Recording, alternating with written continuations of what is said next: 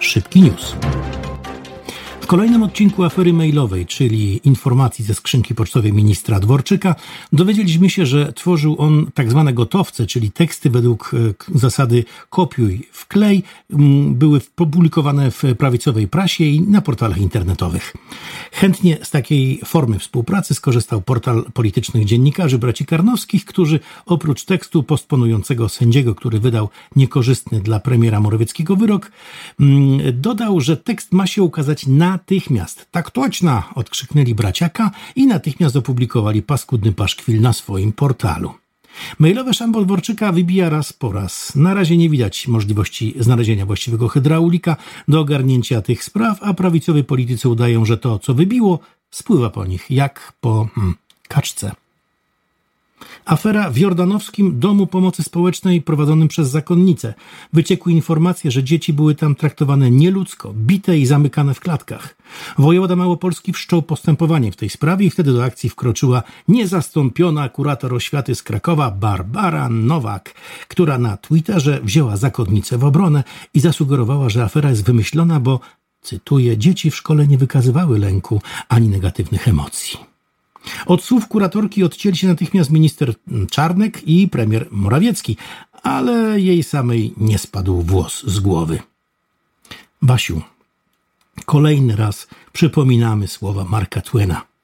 Lepiej jest nie odzywać się wcale i wydawać się głupim, niż odezwać się i rozwiać wszelkie wątpliwości.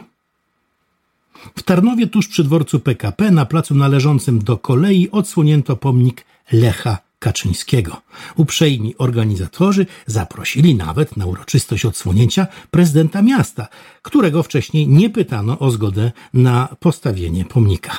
Prezydent nie przybył, a pojawił się za to Jarosław Kaczyński, który musiał przemawiać przy wznoszonych przez niezadowolonych z postawienia pomnika Tarnowian okrzykach.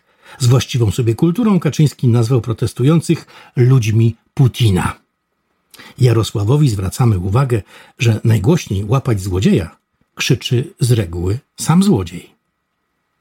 Krajowa Rada Radiofonii i Telewizji chce sprawdzić, jak w popularnych polskich serialach przedstawiane są relacje rodzinne oraz życie religijne i nawet intymne bohaterów.